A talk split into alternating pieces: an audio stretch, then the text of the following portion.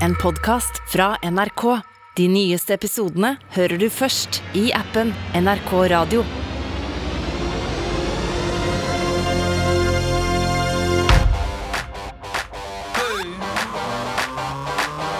Popkorn over politikk med Sean Henrik Matheson og Gjermund Stenberg Eriksen.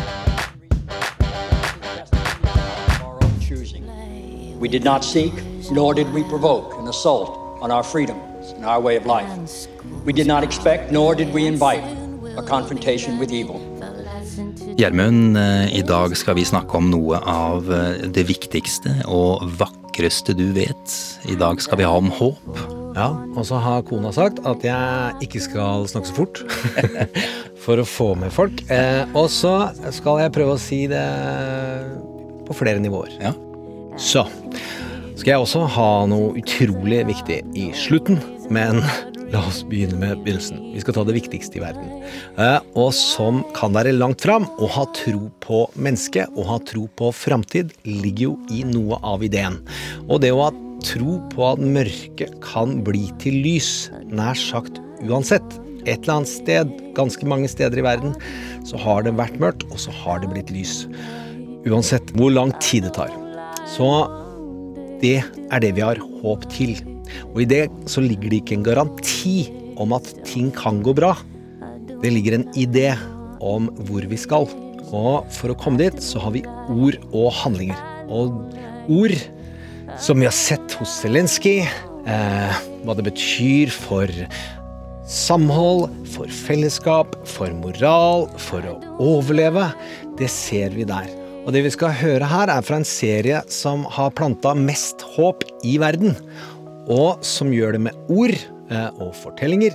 Og jeg tror det er bra for, med tanke på Ukraina og det fundamentale angrepet som demokratiet er under i resten av verden. For nå, i Ukraina, bombes skoler, barn dør, lærere dør, og skole og utdanning har en helt unik rolle i serier og film, som er noe av det vi bruker for å få fram hvordan verden fungerer, ideelt sett, og i virkeligheten. Og det skal det handle om i dag. Skoler, elever og lærere er det viktigste og største i serienes verden. Og det er ikke bare som metafor, eh, fordi i West Wing, i en sesong fire, så skjer det at skoler er bombet, og elever og lærere dør, slik man ser nå i Ukraina. Og det er terror, som i Ukraina. Og det er en president som prøver å få opp moralen og vise retningen framover, som vi har sett i Ukraina. Om det å stå sammen. The streets of heaven are too crowded with angels tonight. There are students and our teachers and our parents and our friends. The streets of heaven are too crowded with angels. But every time we think we've measured our capacity to meet a challenge, we look up and we're reminded that that capacity may well be limitless. This is a time for American heroes. We will do what is hard. We will achieve what is great. This is a time for American heroes, and we reach for the stars. God bless their memory. God bless you. And God bless the United States of America. Jarsson, hva syns du om talen? Ja, den er, jo, den er jo helt vanvittig. Vi har hørt den før. Eh, Jeg husker den veldig godt fra da jeg så den på TV. Eh, Den er, den er så sterk og, og gjør alltid inntrykk. Ja, og så er det, den er skrevet av eh, vår friend of the pod, nå skal jeg ikke bade i det, Eli Atty. Han skrevet den episoden, og den neste, og den neste, og jobba med han som lagde den. Han har også skrevet talen i virkelighet. I serien så er han så glad i forfattere som skriver ord for presidenter, at han gjør seg til helt. Bare hør her eh, hvordan han presenteres som eh, freak, fordi han kan skrive så fort. When did you write that last book? In the car? Freak. Og glem at det handla om American Heroes. Poenget her er helter. Og helter i alle fortellinger over et visst nivå har et innslag av skole eller læring. Eh, og om det er håpet i West Wing, om det er håpet i The Wire, om det er i Deadwood. Men vi kan også ta fram Avengers-universet. Det å kunne ting og lære seg ting og gå gjennom en reise. Du kan ta X-Men-universet, som er om en skole, og hvordan du må hjelpe mutanter å finne, ut og forstå sine evner, så de kan overleve uten å bli drept av vi mennesker, som er så elendige å dømme ting som stikker seg ut og ser litt annerledes ut. Og det er også i Lord of the Rings, og det er i Star Wars. Jeg skal ikke ta alle måter det er i Star Wars. Skolen og utdanning er alltid framtida, og læring er Karakteren lærer, eh, altså den som fungerer som en mentor i fortellinger, er alltid sentral. Så i kampen i Ukraina, eh, i kampen mot demokrati, og eh, i kampen mellom demokrati og autokrati, starter alltid, egentlig, i skolen. Og vi er på hvem sitt lag? Ja, vi, er, vi er på Team Demokrati. Vi er så jævlig på Team Demokrati. Eh, Det må være lov å si. Det syns jeg er helt innafor. Og så skal vi ha det moro i dag, Ja. men jeg ville begynne i et alvor. Ja, det er greit. Og så skal det komme eh, morsomme ting. Lover. Ja da, eh, helt riktig. Som du sier, eh, vi skal som vanlig ha det moro. Det er viktig å beholde humoren, eh, men det skal også bli bekmørkt eh, i dag. Og så skal det bli moro, og så skal det slutte i håp. Ja, men folkens, heng ut, vær med ja. till the end. It will end in a very great hope. Eh, bra sagt, Gjermund. Velkommen til Popkorn og politikk eh, i studio. Gjermund Stenberg Eriksen, serieskaper, kommunikatør. Jeg heter Sean Henrik Matheson. Eh, sammen har vi med oss eh, produsentene og A-laget. Super-Silje Martinsen Vettere Kanon-Jon Branes og Kickass Kristine Grønstad Alsa. Vi stryker Vasse-Kristine, så later vi som at jeg aldri komme opp med det elendige navnet der. Det er jo da en tvetydighet. Ja! Det er jo det. lave rundt på badestranda og ikke tørre å bade. Ja, det går ikke. Kampen om den vestlige verdens sjel finner sted akkurat nå. Eh, Og den minner om kamper du har sett på film og TV. Det er fordi historiene som får deg til å føle eh, på skjermen, eh, også kan få deg til å føle noe politisk. Med andre ord, det vi gjør her i denne podkasten er å forklare det som skjer i verden ved å sammenligne med drama. I dag får vi besøk av kunnskapsminister Tonje Brenna. Eh, Vi skal snakke om utdanning eh, og det håpet det fører med seg. Vi skal snakke om Ukraina, selvfølgelig. Vi skal også snakke om Utøya, terroranslaget mot AUF sommeren 2011, der 67 ungdommer og voksne ble drept. Der var Tonje Brenna til stede. Hun skal fortelle om hvordan volden hun opplevde der har preget henne, og hva det har gjort for hennes eh, forståelse av det som skjer i Ukraina nå. Vi skal snakke om skolens rolle, både i fiksjonen og virkeligheten. eh, Og vi skal snakke om læreren som helten i fortellinger. eh, Og hvordan få det til å bli virkelig igjen. Som sagt, både det lyse og mørke i dag. Det vanlige, vil jeg si. Gjermund. Ja, men nå skal vi gjøre det gjennom å bruke noen fortellingstriks også. Det vil være surprises, det vil være smokescreens, altså ting som eh, vi dramatiserer. Men skal vi få eh, ministeren med på popkorndelen? Wow, skal vi det? Ja, jeg syns det, for hun er ikke hakkande umorsom. Eh, I sånn eh, tilnærming til livet. Herlig. Eh, tror jeg kan være ålreit. Og så Hva da? Kan det tenkes at hun har noen, eh, noe å fortelle fra budsjettkonferansen, eller? Det må være lov å spørre. Det ryktet skal ha, der blir jo ingen lykkelige, annet enn de som er grunnleggende gnie og ikke har tenkt å dele ut noen ting. Bare det er respektfull om politikk. Ja. Men før hun kommer, la oss ta inn eh, noe av det som skjer i West Wing. Det var et skoleangrep, og det var en terror som drepte et visst antall i fiksjonen. Eh, og det viser seg da etter en episode at det er egen befolkning som står bak. Eh, en reise som Utøya også hadde. Bare der skjedde det på noen timer at vi oppdaget at det mange trodde var noen fra et annet land med en annen kultur og en annen farge eh, var en hvit nordmann.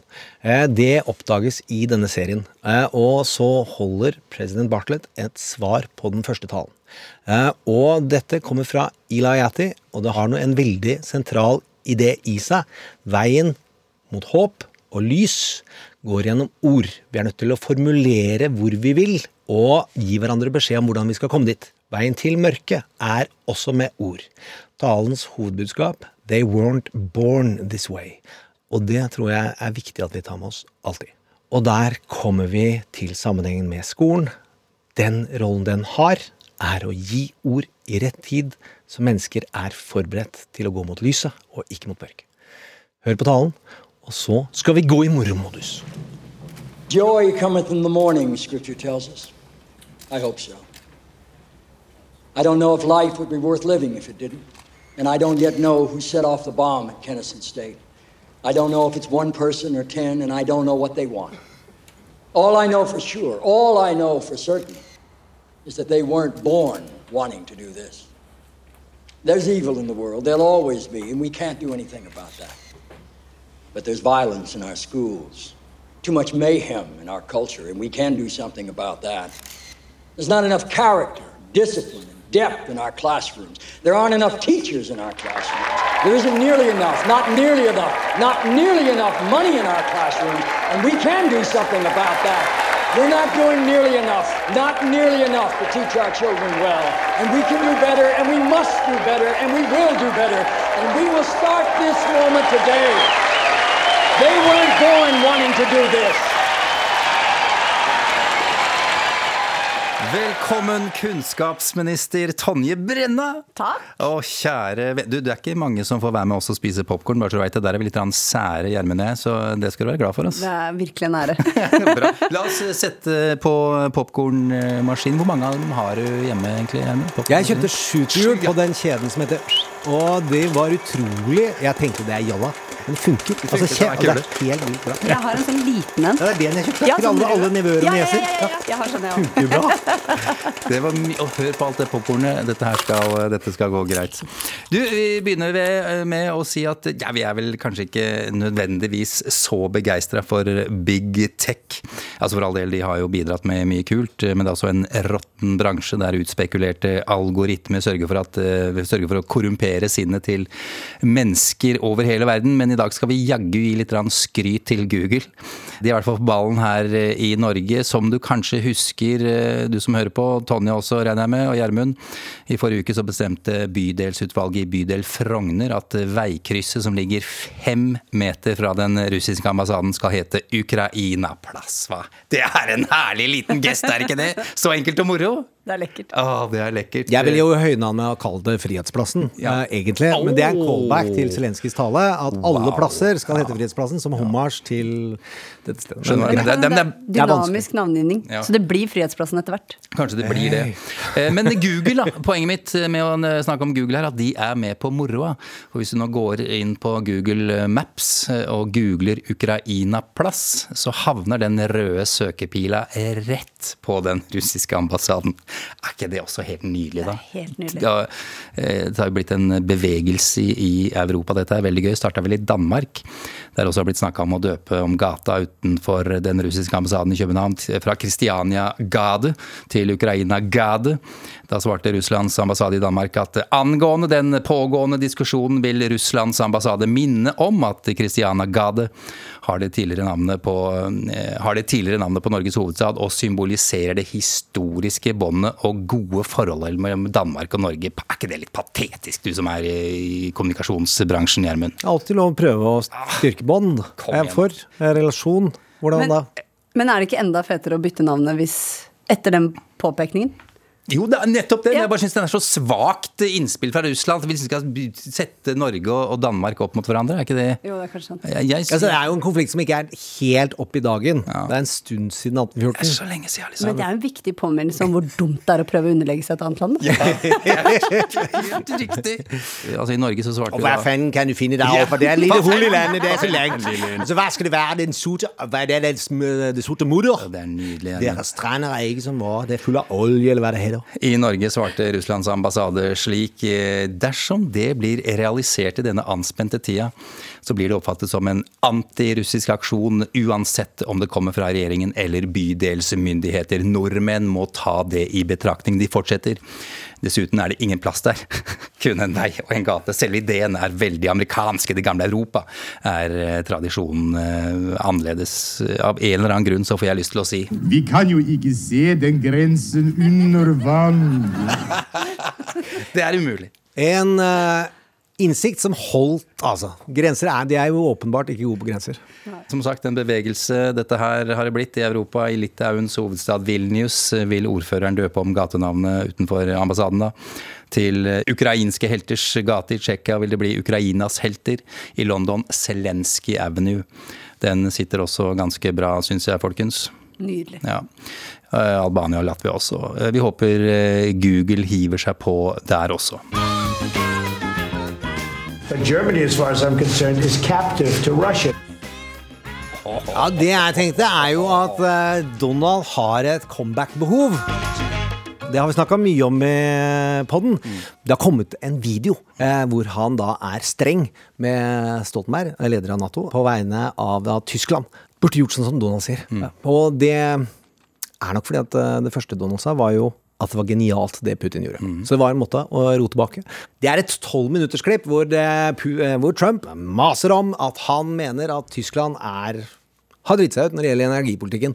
Og så blir det spredd akkurat nå som om Trump ja, Vi må huske på at han gjorde noe riktig. Og da tenker jeg, husk hvorfor videoen kommer nå. Det er jo fordi at Trump vil tilbake. Det er jo en del av hans kommunikasjonsløp. Er jo alltid å få oss til å tvile på hvilken side er han. Vel, han vil ødelegge demokratiet 6. januar. Syns det. Det er vel gassledningene som ligger i bånn her, er ikke det, Gjermund? Som han eh, refererer til at Tyskland har blitt tatt til fange av eh, på et vis da, gjennom eh, å ha denne forbindelsen til Russland. Ja, men det er mange bommer. Er det er ikke en geopolitisk innsikt. Han hater at alle tjener penger unntatt han. Så han går jo der fordi at eh, USA har noe annet å selge. Det handler ikke om at Nato må passe seg for Russland, eller at Russland ikke skal få det der albuerommet som eh, han var villig til å gi dem i andre samtaler. Men vi kan høre her hvordan Charlie Sykes en som er friend of the pod, som var her. Han satte sammen da hva har han sagt om Putin, og hva har han sagt om Putin. En liten sånn smaksomasj for å minne folk på at det er mulig at vi, at vi ikke er for at Trump vinner i 2024. Nobody was ever tougher on Russia than me. I'm the one that stopped the pipeline. I had it stopped. I'm the one that put all the sanctions on. My people came to me, Dan Coates came to me, and some others. They said they think it's Russia. Uh, I have uh, President Putin. Uh, he just said it's not Russia. I will say this I don't see any reason why it would be. Det er liksom ikke til å tro, på en måte. Og så er det helt sant samtidig. Det er veldig rart. Altså Når du så Trump komme opp, eh, og du tenk, eh, trodde han skulle vinne, og hvordan har du liksom sett på det hareballet? Nei, jeg, føl, jeg fikk sånn, jeg tror som veldig mange andre, jeg fikk sånn katastrofefølelse nesten. Jeg husker den natta. Og så husker jeg morgenen, eller ettermiddagen etter, så hadde jeg liksom henta eldstemann i barnehagen og satt og så på han, og han var trøtt og slumra litt på sofaen. Tenkte jeg nå går verden til helvete. og så blei det egentlig verre, er det lov å si? Jo, jo, det Du sa først. ja. Det er verre enn helvete. Ja. Hvor var du når han skulle gjenvinne Altså når han prøvde å vinne valget? Hva tenkte du i den fasen? Var du livredd, eller tenkte du dette går? Nei, jeg føler at jeg veksla mellom å tenke sånn Det er ikke mulig til å herregud, det kommer til å skje. Hele veien. Og så Jeg var jo veldig Hillary-fan. Altså sånn dere skjønner ikke. her. Veldig Hillary-fan. Så Ja. jeg brukte jo veldig lang tid på å komme over at hun tapte. Og så følte jeg liksom at det var det åpne kjøttsåret som væska og verka. Det bare ble strødd salt og tråkka med piggsko oppi der når han kom tilbake. Men 6. januar, da følte jeg Ja, selvfølgelig. Det måtte skje. Dessverre. Altså, jeg, jeg følte meg ikke overraska engang. Du ble ikke overraska? Nei, det var ikke vi heller. Nei, men bare lite grann, altså. Jo, Og hører jo på poden vår. Jeg må jo vel lov Du har sagt du har hørt på poden vår. Så Dere skal ikke bli hadde så forberedt meg. Vi begynte i mars sånn at han vil ikke godta valget. Eh, med hjelp fra Sofie Høgstøl og en del andre underliggende prosesser hvor han begynte å diskreditere posten Mm. og fjerne muligheten til å stemme og satse på at pandemien skulle ta livet av ganske mye, men det var økonomien det skulle gjelde. Og så skulle nettopp Mm. Vi var tidlig på'n, så det var ikke Du trenger ikke minne meg på det. Jo, men du er kunnskapsminister, jeg bare- svisker. Jeg syns det er verdt å, å sette liksom eh, litt press eller, eh, på akkurat det at det ikke er overrasket. Det er litt sånn trist. på Nei, en måte, ja. Jeg skal prøve å si det igjen Ja. på, på en mm.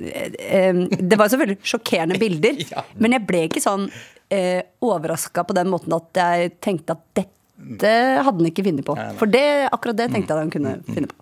Vi har bedt deg ta med popkorn fra noe annet enn virkeligheten, nemlig den serien vi har spilt to taler fra foreløpig. Eh, Fordi den har eh, du et forhold til, eh, som vi kommer tilbake til. Men første klippet så vil du ta fram én karakter som er din favoritt. Hva heter hun, hva jobber hun med i starten, og hvor slutter hun? Hun, er, eh, hun heter CJ Craig. Hun er eh, pressesjef og stabssjef. Eh, husker ikke helt rekkefølgen. Starter i pressesjef og ender som som- chief of staff. Og hun er en litt sånn stram, presis dame som har kontroll på alt. Hvis de har vært borti det, så er det orden. De andre de mennene de går ofte litt rundt og dasser, har ikke dusja på noen dager. Hun har liksom stålkontroll. Og det som skjer i dette popkornet, er derfor så nydelig overraskende og ute av karakter. Ja, for det dere hører nå er at hun er veldig opptatt av å ikke gjøre feil Ja. i offentlighet. Eh, og så har hun veldig humor når dørene er lukket og Ja. kan skjelle ut. Det kommer vi til. Og så eh, er det det å ikke si feil navn eh, til feil tid. Altså ikke reagere. Hør hvordan CJ går inn i scenen, og så er det, selv om du ikke har sett serien, det er mulig å få med seg problemet. Mrs. Coatsworth, hey, I'm CJ Craig. I'm the White House press secretary. This is Will Bailey, our deputy communications director, and this is Amelia Gardner, who's the First Lady's chief of staff. And this is her first day, as a matter of fact. We're so happy that you were able to take the time to come over so we could talk this through. I'm Marion Coatsworth Hay. Sorry. I was, I was thinking of this thing from this thing that just happened with the deficit. So oh Det er vanskelig å ikke le der for Det- noen, egentlig. Hvor nærme har du vært? Altså, jeg tror alle som på et eller annet tidspunkt har vært i en situasjon hvor man sier sånn, nå må du ikke le, og så skjer det allikevel. Du skjønner at det går ikke an å stoppe. Men hører du mange rare navn i jobben din, eh, Tonje? Noe av det er Det er veldig gøy når utenriksministeren har saker i statsråd hvor det er litt sånn alvorlig. Hun skal lese opp oppnevninger av ambassadører.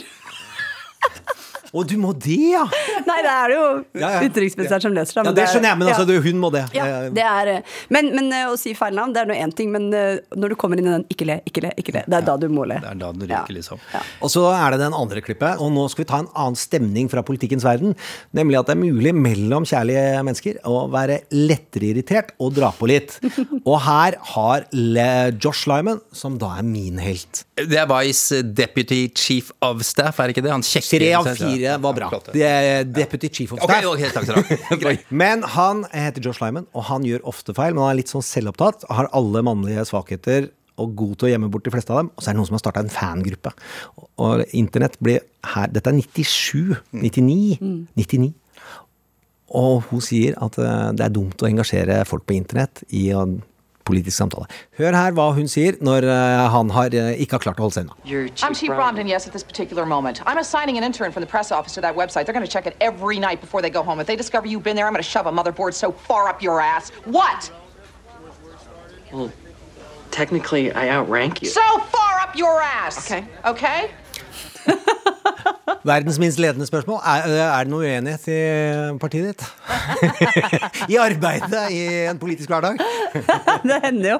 Men den eh, evnen til å kjefte på noen på en svært intelligent måte, det, det tror jeg mange kan ha nytte av, uansett hvor man jobber hen. Det er uendelig mye bedre når det er svært intelligent. Jeg er helt enig, og det er veldig festlig å høre på. Så det, Hvem er din favorittutskjeller? Altså å bli. Altså at du har opplevd. Å bli skjelt ut av. Nei, ikke skjelt ut, men du sa jo at det var bra. Du sa, du, sa nettopp at det var ålreit. Nei, men jeg liker litt den derre rappe, tydelige tilbakemeldinga. Setter veldig pris på det. Tydelighet er Så jeg har mange favoritter, egentlig. Greit. Greit. Vi har en hemmelig pod som vi har gravd ned ute i hagen, og der får dere alle navnene. Gjermund, vi har bedt Tonje lese litt for oss. Ja, fordi jeg syns det er ålreit å gå fra moro til mørke. Og du har jo vært eh, igjennom 22. juli fra et annet sted enn jeg har. eh, En kjøttdisk i Ski. Du var på Utøya. Og det jeg har bedt deg om, er å lese et lite utdrag av den boka. Og så skal jeg prøve å så, når, jeg ba, når jeg sa det, Gjermund, eh, hvor mye skal jeg lese? For det er en lydbok. Da sa jeg ikke så mye. Så da skal jeg prøve å dra, et, dra oss til der var, eh, i det kapitlet. Jeg har hørt boka to ganger, og den gjorde utrolig sterkt inntrykk. Og da får vi en sammenheng her som jeg syns er interessant. Og da skal jeg begynne å gjøre verdens korteste sammendrag.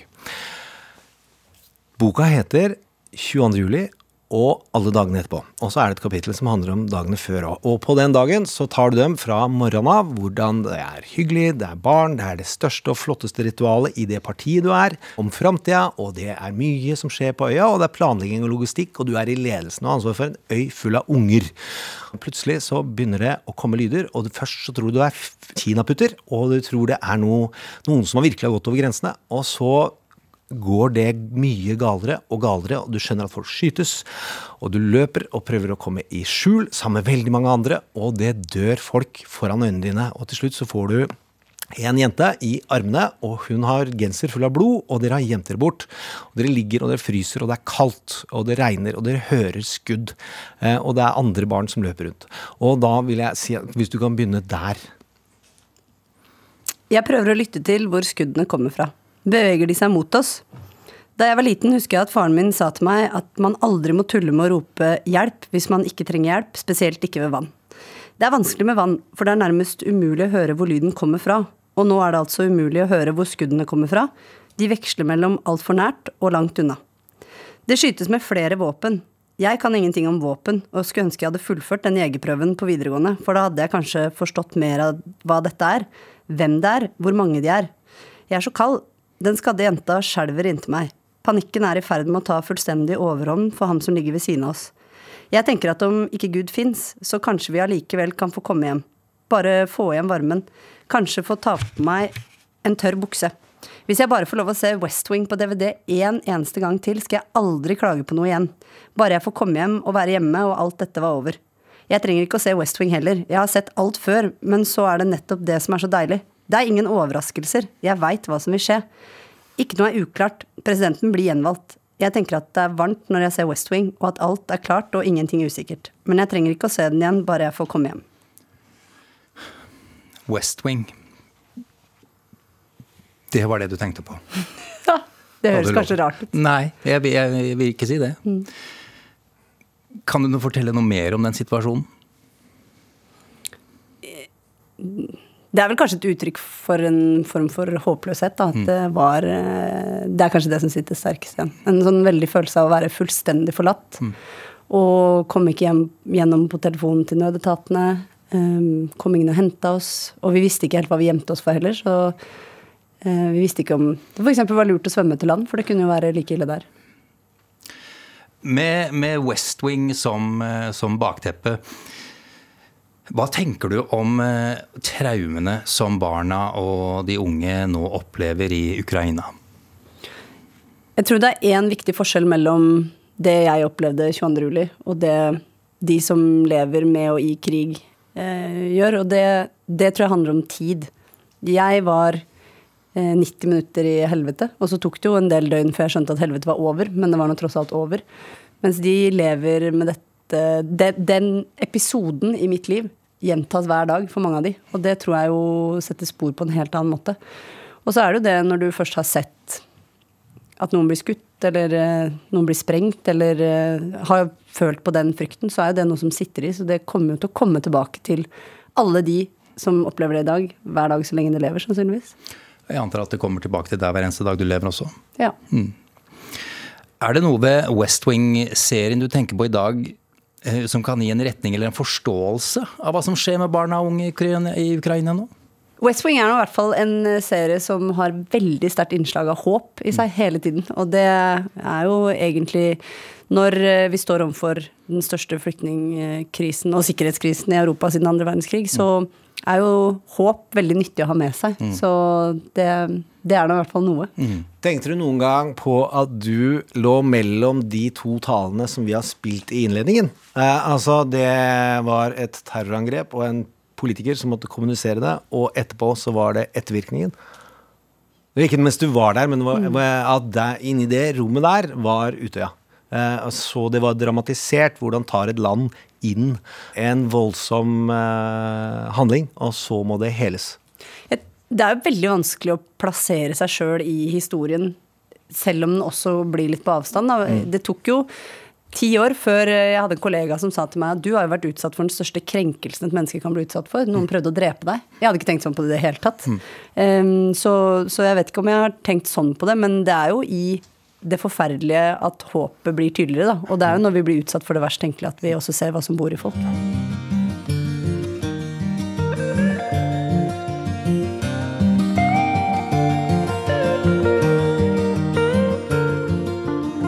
Ok, folkens, nå skal vi inn i skolen, og det som dessverre man må ta inn over seg, der kan det komme unger fra Ukraina, eh, og unger tar jeg opp til en alder av ca. 23. Så det kan komme unger som kommer til landet vårt, eh, og vi skal møte dem. Er det noe ved hvordan du har behandla dine traumer, og du har vært mye med etterlatte og overlevende, er det noe i det du har lært, og som du vil ta fram som folk må forstå?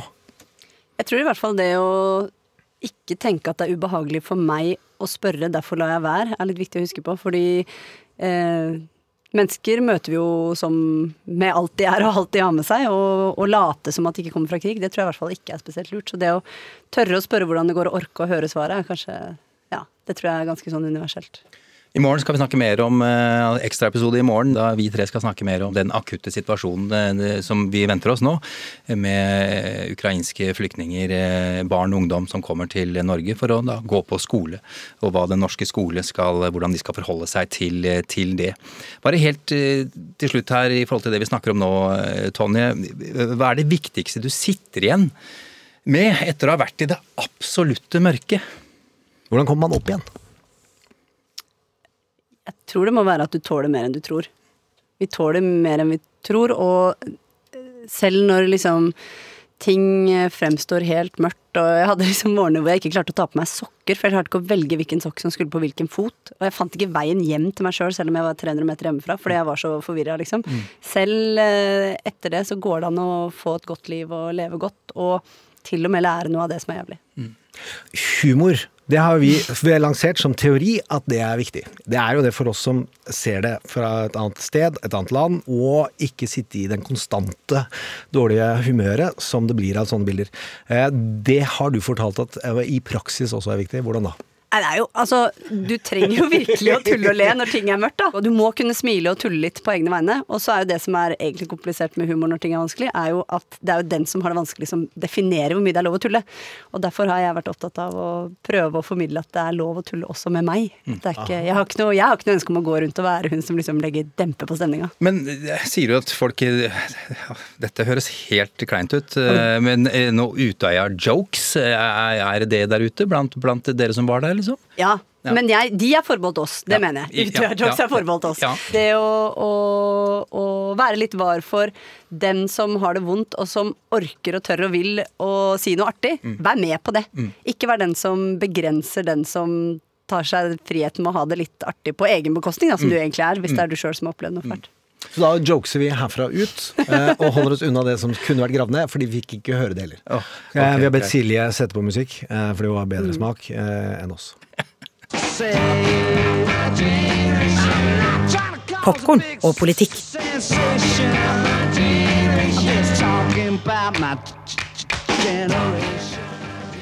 Skolen som arena, Gjermund. eh, Du mener jo at den har en unik plass eh, i, i serier eh, og fortellinger overalt, egentlig?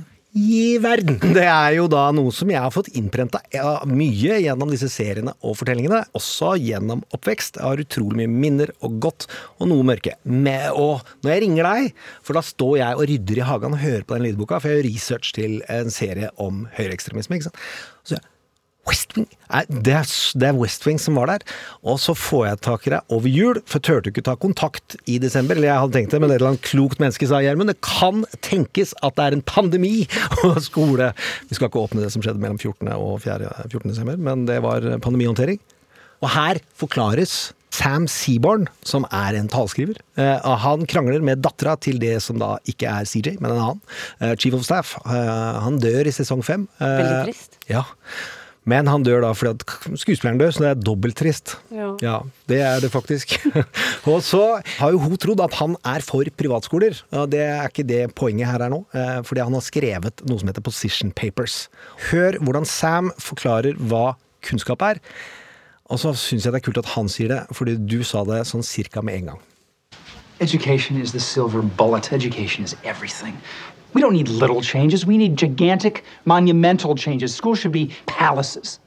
The competition for the best teachers should be fierce. They should be making six figure salaries. Schools should be incredibly expensive for government and absolutely free of charge to its citizens, just like national defense. That's my position.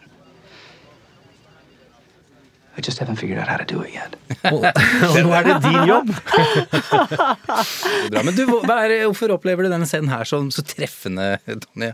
Nei, for det er altså helt presist oppsummert. Skole bør være utrolig dyrt for myndighetene og helt gratis for folk. Og vi veit jo hva som skjer med samfunn der man må veie lommebokas størrelse for å finne ut hvilken utdanning du har tilgang på, de er helt annerledes enn våre, Ja. i negativ forstand. Ja, ja, ja. Eh, hvilke andre fortellinger der, eh, altså, der skolen er arenaen, da, vil du trekke fram? Altså der historien blir, blir eh, levende for folk på en positiv eh, måte? Det er jo, som Gjermund sier, masse film og TV og situasjoner i livet hvor skolen er eh, veldig viktig, men jeg har en forkjærlighet for Dead Poet Society, Mm. som er annerledes på den måten at i motsetning til veldig mange andre skoler, filmer om skole, så er det elevene som er utgangspunktet, og skolen som er problemet. Og grunnleggende problemet i utdanningspolitikk er jo at det ofte blir sånn at skolen har rett, og eleven tar feil. Dead Poet Society, da er vi litt sånn tilbake i tid. Det er vel 1989, tror jeg, så jeg tror jeg var 17-18 år omtrent. Så du som er ung og lovende, du får google, og så må du sjekke ut den filmen, for den er fantastisk god. Og vi har snakka om den eh, før her, Gjermund. Brukes i skoleverket, har jeg lært, så det er jo god sjanse for at den treffes av barn og unge, fordi de, man prøver å imøtegå de store utfordringene som norsk skole og utdanning står overfor, og hele verden. For det er noen svære strømninger som jeg har tenkt til å forklare. Jeg ringte noen. A wise woman. Det er rått. Ja. Jeg ringte Camilla Stoltenberg fordi hun har eh, skrevet i Morgenbladet en gang, etter at jeg i 20 år har eh, knudd og gnadd eh, på nachspiel om hva jeg mener om skolepolitikk. Og så skriver hun en, en eller annen tekst i Morgenbladet om at det er noe som heter utdanningsgapet. Kort fortalt så går det ut på mange ting, men mest viktig av alt, det er stor forskjell på gutter og jenter og modenhet. Og da skriver hun det som lege og leder av Folkehelseinstituttet. Og ut fra det så får hun som jobb av din forgjenger, Torbjørn Røe Isaksen, å summere opp all forskning. Så tenkte jeg da ringer vi henne, og så hører vi noe, en kort oppsummering av hvordan hun ser verden. La meg da formulere det jeg spurte om, fordi hun justerte meg, og reformulerte. øh, Var ikke kjeftete. Men det var utrolig vennlig. For dette var viktig for henne. Så Camilla, eh, hvis du skal velge én ting som står i veien for at vi gjør noe med at det er et stort modenhetssprik mellom gutter og jenter, og innad mellom gutter og jenter, men det viktigste av alt, mellom gutter og jenter, da svarte hun dette. Altså, jeg vil nok si at hvis jeg skal velge én, og tvinges til å velge bare én ting, så er det forståelsen av hvor store konsekvenser dette har, at det er en samfunnsutfordring. Fordi mange ser på det som en individuell utfordring, eh, eller en utfordring for noen grupper av gutter som gjør det spesielt dårlig. Men det er ikke det. Det er en gjennomgående utfordring for hele samfunnet, og det dreier seg ikke bare om gutter. Det dreier seg om jenter som er i samme situasjon som gutter, men dem er det som sagt langt færre av. Hva tenker du om det? Nei, det tror jeg er ganske presist og treffende. Og det er eh, tilbake til Dead Poet Society, da. Vi har en kjempeutfordring med at ved at ting skal bli standardisert og likt og til, i utgangspunktet rettferdig, så kan det bikke over og bli urettferdig, rett og slett fordi vi ikke klarer å tilpasse skolen til den enkelte elev, at du ikke får komme som du er og lære på den måten du foretrekker best, og selvfølgelig ha modenhet, særlig når vi har seksårig skolestart. Eh, noe ved seg da. Du har snakka mer med Camilla. Ja. Og det man kan se for seg, at hvis du ser skolen som en joggetur, så er den tolv år, og alle er tvinges til å løpe i nærmest i det samme tempo og gjennom den samme løypa. Og det, da har de vært innom de samme postene. Det, målet er ikke den samme løypa, ikke sant. Og det hun da jeg trengte å spørre om, er så hvordan kan vi få folk til å forstå og leve oss inn i at dette må vi gjøre noe med, fordi konsekvensene er så store? Vi får høre hva Camilla sier. Jeg har ikke svaret på det spørsmålet heller, men jeg har tenkt at det dreier seg om at uh, gutter og menn må engasjere seg i det selv. Og de må faktisk orke å gjøre det, og jeg håper da de vil finne en god måte å gjøre det på, som ikke blir uh, for polariserende, for uh, aggressiv, for det kan noen ha grunn til å bli, ganske sinte, men som, som gjør at også jenter og kvinner ser at dette vil være bra for oss alle. Men hvordan skal de gjøre det, da? Jeg tror jo at vi må gjøre flere ting. da, Både høre på forskningen, det gjør vi jo når vi hører på Camilla, men uh, også uh, høre på erfaringene fra folk som har opplevd å lykkes eller ikke lykkes i skolen. Og så tror jeg vi må liksom klare å ha en debatt om skole da, som ikke handler om at uh, vi har to kategorier, intelligent og uintelligent, men mer et spørsmål om hvordan vi får dette store hele til å virke sammen og lar de tusen blomster blomstre. For det er jo egentlig det skolen handler om. Mm. Og jeg tror alternativet, nemlig at folk ender opp med å kjøpe en skoleplass et annet sted som er mer tilpassa dem, det er veldig mye verre. Så det å de, de av oss som er så opptatt av fellesskolen og hvor viktig den posisjonen i samfunnet er, vi må også være de fremste kritikerne av fellesskolen, egentlig, sånn at vi kan gjøre det bedre. En annen side ved det hun drar opp, eh, er jo at dette må Forståelsen betyr at vi, en bred befolkning, og på tvers av partier, og på tvers av alle ideologier, så å si, er interessert i å gjøre noe med det, og velge grep som vi kan gjøre sammen eh, på et tidspunkt. Fordi det at vi forsker litt her og forsker litt der, det tar ti år. Hvis du skal se på de lange studiene som vi etterlyser hele tiden, det tar 20 år hvis du virkelig skal ha forskning i, grunnen, i vinden. Og det er ikke forska grundig på i det hele tatt at det er så store forskjeller. Så vi vet at det har enorme konsekvenser. Så grep må tas, mener vi også. Og så har vi jo en tendens til å reparere heller enn å Altså vi driver med symptombehandling istedenfor å ta sykdommen. Og jeg er veldig opptatt av, og det er jo egentlig litt i samme leia, at folk skal gå i barnehage. Altså vi vet at unger som begynner i barnehage, de har så mye større sannsynlighet for å lykkes i livet seinere og gjennom skoleløpet òg, enn det de har de som ikke går i barnehage. Samtidig så er det jo mye dyrere å gå i barnehage eh, mot skole som er gratis. Så det er jo noen grunnleggende strukturer her som eh, forsterker det vi egentlig har lyst til å få bukt med. Og denne damen som ble valgt ut av Røe Isaksen til å lede dette utvalget, viktig poeng for i disse parti... Men det er jo da Røe Isaksen bare prøver å vise dette gjelder alle. Eh, så har jeg fått bare 15 minutter, og så Hun slutter ikke å prate, den pinginga. Det er fordi at hun går ikke i det andre møtet.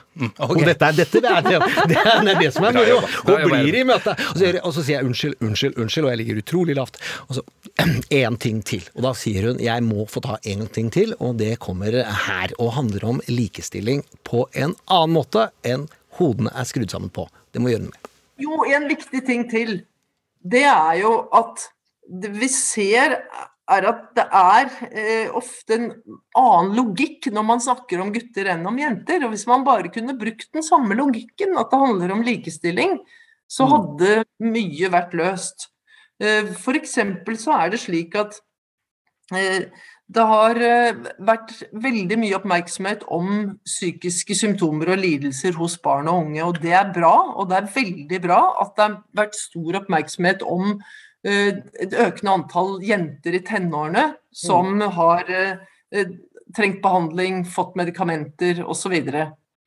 Men når vi ser på hvem er det som har psykiske lidelser blant barn og unge, så er menn og gutter i stort flertall. Og, og det, det kommer på en måte ikke fram. Um, så så det, det, det er bare sånn Og det handler nok delvis om at de som utgjør det store flertallet, det er ikke folk som selv er så taleføre. De er ganske langt fra journalister og, og eh, politikere og myndigheter. Og, og kommer i mye mindre grad til orde. Vil du kommentere det, Tonje? Jeg tror det er helt riktig. Jeg tror både eh, at og det gjelder jo mange felt, da, men at de som er mest berørt av eh, beslutninger og regler og ting, de kommer ikke til orde.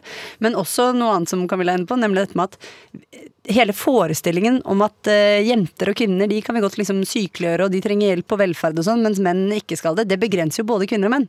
Det begrenser jo opplagt gutter. At de liksom nærmest er født til å komme seg gjennom skolen og klare seg sjøl, tjene mange penger, bli ledere og styre verden.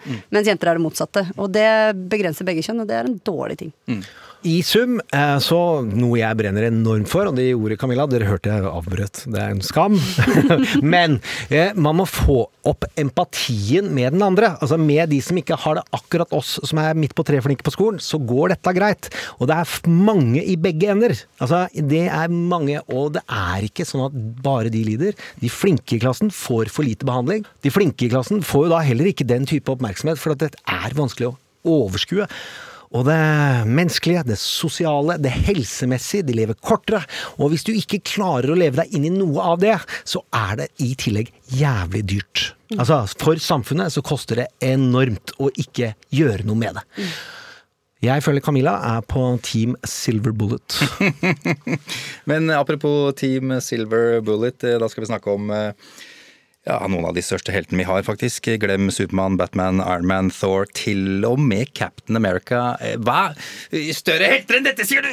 Ja, eh, for de når ikke læreren opp til ankeren engang.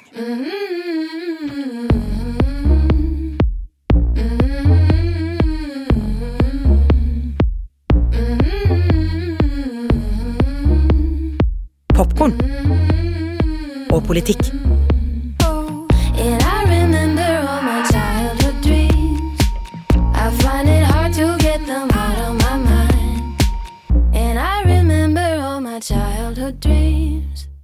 I find it hard to get them out of my mind. Nå skal du som hører på, og vi, eh, se for oss president Volodymyr Zelenskyj danse i høye hæler. Han har på seg lakk og lær og nagler. Litt sånn Frankie Goes to Hollywood-klær, skal vi si det. Husk, første karakteren han lager for Bre-TV, han lærer. Og her gjør han et grep som skal lære mye til noen. For en dans. Jeg hører på dette her.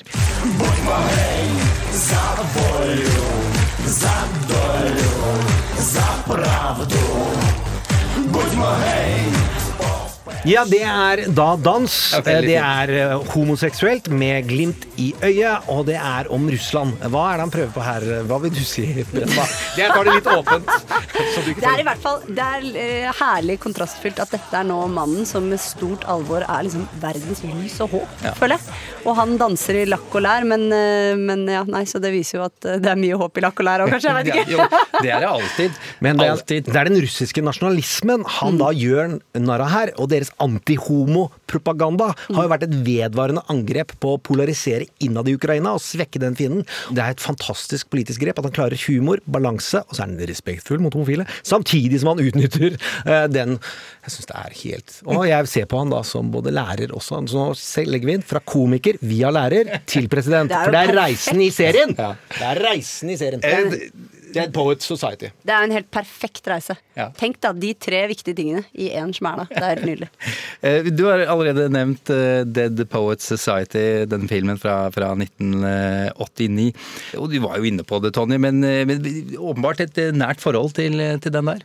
Ja, det er jo Altså, ikke sant, bare Robin Williams Det ene er liksom at han er en moroklump og fløbber og Mrs. Dubfire og sånn, og plutselig er han alvorlig. Det gjør stort inntrykk på meg. Men også han kommer inn i det klasserommet på den gamle, ærverdige skolen hvor alt er liksom folk Elevene har uniform, og alt skal gjøres som det alltid er gjort, og bøkene er kjempetjukke, og alt er veldig tungt og mørkt, og jeg er sikker på at alle måltider er velling.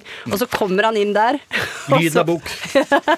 og så kommer han inn der, og så sier han bare Rip out the entire page. Nå skal vi rive i stykker boka, dere må tenke sjæl. Det er så nydelig. Ja, Det det er er, egentlig lærerens oppdrag oppsummert. ja, det er, eh, og så kan vi høre, for han sier jo da oppdraget et eller annet sted med ord, om ord, og hvorfor ord er viktig i livene deres, etter at han ber de rive ut siden som sier det fins en oppskrift på hvordan et dikt blir godt. Og det skulle veies og vektes, skal ikke gå gjennom det, for poenget var jo å rive det ut. Og så sier han disse ordene, og det fungerte som Tusen takk for meg. Words and language. No matter what anybody tells you, words and ideas can change the world. I have a little secret for you. We don't read and write poetry because it's cute. We read and write poetry because we are members of the human race. Å, Det er lenge siden jeg har sett den filmen. Jeg, den får jeg lyst til å finne fram på en eller annen streamingtjeneste med en gang. kjenner jeg. Ja. Det er så nydelig. Og bare tenk, tenk på det, da. Tenk, eh, tenk eh, 22. juli, Ukraina. Eh, avgjørelser, valg, avmakt, makt. Det vi sitter igjen med til slutt, er ordene. ordene. Det er det vi har. Ja. Og det er jo, og det er, Vi kan ta den veien til mørket først, så kan vi ta opp i lyset. Ord har betydning er jo viktig i forhold til mitt syn på 22. juli og Utøya og det som skjer i Ukraina. At radikalisering er utsette et menneske for inntrykk, altså en form for ord, uansett hva det er. Og det å kjøre det i riktig rekkefølge og programmere følelser i riktig rekkefølge, det er voldsfremmende. Eh, Hva er ditt forhold til, til eh, konspirasjonsteori og løgn i boka di, eller bare sånn Dette har du tenkt mye på? Ja, altså Det blir jo veldig nært da når du blir eh, utsatt for terror, men eh, det å sette noen inn i en forestilling om hva som er farlig, det er veldig mektig når du først får til det. Og da må man jo f.eks. gjøre noe som ja, en del er eh, skremmende gode på. Du må jo dehumanisere det du skal nedkjempe. ikke sant? Det er ikke, jeg er ikke kvinne, mamma, datter. Jeg er bare en soldat for Arbeiderpartiet, og derfor kan jeg drepes fordi man hater Arbeiderpartiet. Så det er veldig mektig, og det er voldsfremmende og en forutsetning tror jeg, for at du klarer å utøve vold, er at du tror på de tingene. Og dette er jo det russiske påvirkningsapparatet har utvikla siden Hør på podden langt tilbake, men det er jo siden 30-tallet. Så er det en oppskrift på hvordan du bruker konspirasjonsteori. Lage en historie med en helt og en fiende, et oss mot et dem. Og dehumaniseringen ligger inni der. Og det går stort sett alltid an å spore de tilbake til hvordan vi forfulgte jødene før et eller annet sted. Så havner det også der. Når man går mot lyset, hva mener du om ord har betydning den veien i skolen? Ja, ordene er jo håpet, på en måte. Da. Du får ikke formidla Du kan jo formidle en del håp uten ord, men du må jo ha ordene med deg. Og så tror jeg at uh, ord og språk er en forutsetning for veldig mye av det skolen skal klare å få til. Både språk mellom elevene og lærer, det handler om relasjoner, det handler om å kunne ta til deg stoffet. Og så tror jeg en ting vi undervurderer litt, egentlig, når vi diskuterer lærerrollen, det er liksom hvor viktig formidlerevnen er. Mm. Altså at du må bevege for at orda skal feste seg og gjøre inntrykk. Og det å eh, hylle læreren som formidler, det tenker jeg egentlig nå vi vil gjøre mye mer. Har du, har du, en, eh, du noen egne lærefortellinger? Altså en episode eller eh, situasjon du husker spesielt godt? Jeg hadde i hvert fall, eh, Da jeg begynte i første klasse på barneskolen, så hadde jeg en veldig eh, fin eh, klasseforstander, het det den gangen. Det var litt mer Heter ikke det lenger? Nei, klassekontakt. heter Å, ja. Nei, kontaktlærer heter det nå. Kontaktlærer, Okay. Klassekontakt er noe helt annet. Nei, men, og hun het Anne Grete. Hun var en sånn bitte liten, mager, gammel dame, mente jeg den gangen. Hun var sikkert en 60 da. Eh, Og hun hadde én regel hun var veldig streng på, og det var at det var ikke lov å gå fra hverandre som uvenner. Det er bare Herlig. så fin regel. Og det, sånn er det hjemme hos meg enda. Hvis Ja. man er sure om kvelden, så er jeg hun som sier sånn Får ikke lov å sovne før du er blid igjen. Selv om mammaen har lagd humøret? Hva sa Så mamma kan, mamma kan eh, lage dårlig humør, og så kan du bare si Og du sover ikke før du smiler. Jepp. Nei, man må bli venner igjen før man legger seg. Andre lærerfortellinger du vil trekke fram? Det er kanskje i andre enden, da, men jeg hadde en norsklærer på videregående som var veldig sånn norsklærer. Du kan ikke dra den ned. En norsklærer på videregående, hun var veldig aktiv med rødpennen, vil jeg si. Og da jeg hadde skrevet boka mi, så kom hun på et bokbad, og da sa jeg Janne, jeg håper ikke det blir altfor mye rødpenn i denne boka. Og da sendte hun melding etter noen uker og sa det var nesten ikke rødpenn i det hele tatt. Så det var eh, ja. Men hun lærte meg nok å være presis mor. Det er jo eh, noen veldig mange lærerscener innad i West Wing, og det er særlig en hvor Donna, som vi jobber i vårt univers, Jeg har prøvd å si læreren min var så flink at hvorfor skal ikke hun få en fortjenestemedalje når vi deler ut i alle retninger? Så, har, så gjør ikke presidenten det. Hun heter Mrs. Morello og er da læreren til Donna, og som hun syns har gjort like mye som soldater og generaler. Hør her hvordan Donna allikevel får et møte med Morello. Mrs. Morello, I'm in the Oval Office with the President of the United States, and it's because of you. Mrs. Morello? What a thing to say. We're all very proud of you, Donna. Det er jo Morello og hun får takket. Eh, Jeg har jo Tror du jeg er så gæren at jeg hadde ringt læreren din? Og så Åh, det har vi hadde vært her. så koselig. Ja, det hadde men jeg er ikke så koselig. Jeg har ringt en annen og spurt om han ville kommentere boka di, fordi eh, han heter Eli Atty. Og så Jeg oversatte da eh, et par sider. eh, Den delen som var til West Wing. Eh, Du har fortalt hvem Eli Atty er, Eli Atti er han som skrev, skrev den første og den andre talen dere hørte. Er det på ekte? Ja, dette er på ekte, så nå kommer Eli, og han Det er forskjell på tid, så jeg kunne ikke be han være oppe nå. I wanted to just say, Tanya, I read an excerpt of your book in which you very movingly talk about um, what the West Wing means to you and what it meant to you in, a, in an extraordinary time of uh, adversity. And it's so meaningful to me and to all the writers and actors of the show, and I know to Aaron Sorkin, the creator of the show, that people still watch this show and think about it all these years later. Nobody ever really anticipated that. I'm so uh, grateful for the work you're doing over there uh, in Norway, and I hope to meet you someday and get to talk about it. Thank you so much, and um, take care. Altså! Nå kan jeg dø lykkelig! Det var enda godt før. Det var, han, han er veldig glad i fenomenet, det han driver med. Det var veldig fint. Å, herregud. Nei, det var fint. Tonje Brenna, tusen takk for besøket. Tusen takk for at jeg fikk komme, og fikk Eli i tillegg.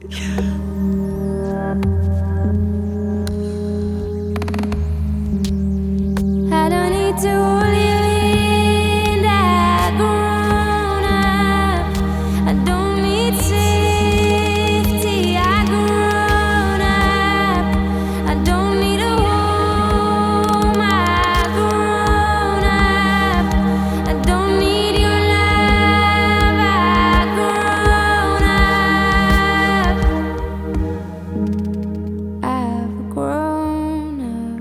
Folkens, vi har et arkiv, det er en podkast, ligger i en spiller. Husk å gå inn der, og så kan dere bla bakover og ha det eh, være med. Og det er ikke alt som handler om Ukraina, og det kan være moro å høre noen av de òg. For det, jevnt over syns jeg ikke vi er datostempla.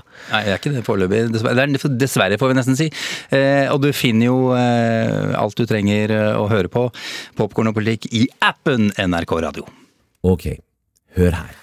Now, in this class, you can either call me Mr. Keating, slightly more daring, Oh, Captain, my Captain. Ja, dette er hvordan Robin Williams sa at sin lærerkarakter skulle omtales til sine unge gutter. Og det er det jeg vil snakke om, læreren og unga våre, helt til slutt. Det Camilla Stoltenberg sier, og det Tonje Brenna trekker fram med Dead Poet Society, det at det er systemet og ikke læreren og ikke unga. Systemet som gjør at så mange faller ut, og så mange i midten og i toppen ikke får den oppmerksomheten de også trenger. Det systemet er ikke læreren, det er deg og meg. Og det vi mangler, mener jeg, det er omsorg, altså empati. Vi føler ikke at det er viktig. Jeg håper du har jobb, jeg håper du har det bra, og om du har jobb og har det bra, har du noen gang hatt det dårlig på jobben? Altså fått, ikke fått til noe, eh, helt spesielt, sånn du tenkte det skal jeg gjøre, og så blei det ganske dårlig, og, eh, eller holdt foredrag, et presentasjon, vært i et møte der folk forventa at du sa noe lurt, eller du skulle stable noe, eller pusse opp noe, og det blei bare dårlig, og følt på det nederlaget der hvordan det gjør vondt, og særlig når andre ser på òg, og du hadde tenkt at det skulle gå bra. Når vi lager helter i fortellinger som ender godt, det er de som blir mest populære, da stabler vi opp utfordringer eh, som de klarer, eh, og de mestrer. De er vanskelige, men vi gir dem akkurat nok til at de kommer over og kommer igjennom til slutt, og vokser og lærer og blir noe. Og det skjer på 90 minutter i en film, eller 400 minutter i en serie. Et menneske vokser og blir en helt i sitt liv. Sånn er fortellingen. I skolen, det du kjente på som var vondt og nederlag i stad, det nederlaget du kjente på, du hadde én dag, det må unge gutter gjøre hver dag i tolv år. Du går på skolen i tolv år som ung gutt. Også noen unge jenter, men særlig unge umodne gutter fra de er små, blir bedt om noe vi som samfunn vet at de ikke får til hver dag i tolv år. I en fortelling, i motsetning til den populære filmen og den populære lange serien, så er vi nå inne i tragedie. Altså, vi lager tragedie. Vi utsetter et menneske i tolv år for en tragedie. Og om du ikke klarer å ha omsorg med én ung, umoden gutt, prøv med 1000. 2000, 3000, 10 000. Over ti år. Hvor mange blir det? Over 20 år, over 30 år, over et liv. Hvor mange tragedier lager vi i Norge? Systemet, det er deg, og det er meg. Og jeg, det jeg skammer meg mest over, eh, det, og som jeg syns er mest ille i West Wing Det er veldig mye bra i West Wing, men det er at vi har ett mål på kunnskap. Vi har én evne som jeg alltid da har prestert ganske ålreit i. Bokkunnskap. Det er én form for kunnskap. Det må være mulig å stable et løp for unga våre som ikke er bokkunnskapsskapt. Å lage et opplegg der de får lov til å få oppgaver som de kan klare. Og skammen min er hvordan jeg har sett på det i, når jeg gikk på skolen. Barne-, ungdoms-, videregående skolen. Det å få oi, så fine karakterer. Så koser man seg, og så vet alle vet. Og det er det jeg mener. Nederlaget syns. De ser, de vet at dette er konkurransen, eh, og at vi ser ned på dem. Og West Wing, excellence, sa Ilayati. Det må feires og dyrkes flere former for kunnskap, og da snakker jeg ikke om bokkunnskap, men at du ble utsatt for oppgaver som du mestrer over tid, og gjør deg da nyttig for deg selv og for samfunnet. For bokkunnskap er én form og én vei til klokskap. Og jeg mener ikke at bokkunnskap ikke er viktig. Det er bare at det ikke er det eneste saliggjørende. Jeg er lei av eliteprat, av noen tror de vet for mye, av jantelover og alt som handler om kunnskapsnedrakking. Men jeg krever flere måter å la barn få oppleve mestring og oppbygning av evner. Og det er noen som slår West Wing. Eh, den største fortelleren i Nordens historie er Astrid Lindgren. Hennes omsorg for gutter og jenter som ikke er som hovedgjengen, er enorm, og hun forsto fortellingens kraft i at hun må lage noe som viser en annen vei til å lære å bli en helt. Og jeg husker utrolig godt en av de første scenene i Emil-serien. Så kommer folk fra bygda, og de har samla inn penger. Og de snakker med mora til Emil ved grinda. Og de sier at vi er kommet for å hente Emil, for han er ikke så bra. Og mora sender dem til helvete vekk. Tror hun har mye Lindgren i seg. Poenget er bygda, det er deg og meg. Vi vet at vi lager tragedier. Det handler ikke om partier du stemmer på, det handler ikke om ideologier. Alle er med på dette, så lenge vi ikke gjør noen store grep raskt. Det tar tolv år å vente på forskningen som sier hvordan det gikk hvis du endra systemet. Vi har ikke tolv år med en generasjon unge gutter for å dette ut. Det nekter jeg å være med på. Så fortell folk om det. Finn å ha omsorg for unge gutter. De roper etter det. Håpet, som jeg sa dette skulle handlet om, det er at vi finner omsorgen og står sammen og gjør noen store endringer. Hør på The Who, som vel tross alt er de unge guttas største fortellere i musikkverden, slik jeg kjenner. Love Rain Over Me.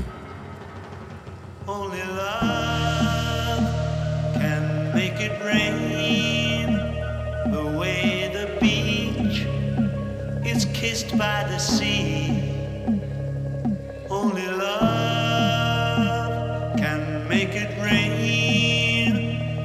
Sweat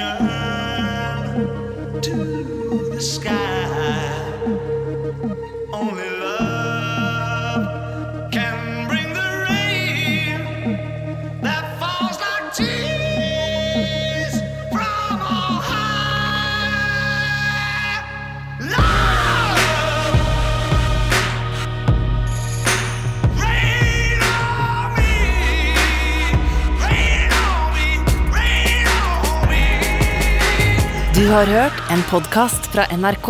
De nyeste episodene hører du først i appen NRK Radio. En podkast fra NRK.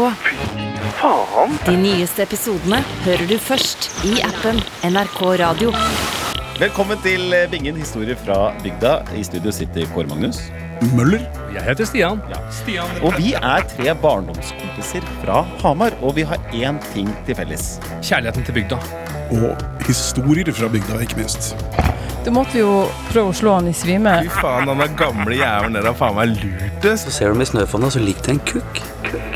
Det er det vi alltid har ledd mest av. Bygde-Norges drøyeste, morsomste, rareste, mest overraskende historier. Og jeg må si, jeg gleder meg. Denne skal du kjøpe hvis du hadde tenkt å kjøpe deg kvige. Dette skal jeg si deg fin kvige. Hør den nye podkasten Bingen. Historie fra bygda i NRKs radioapp fra 28. februar.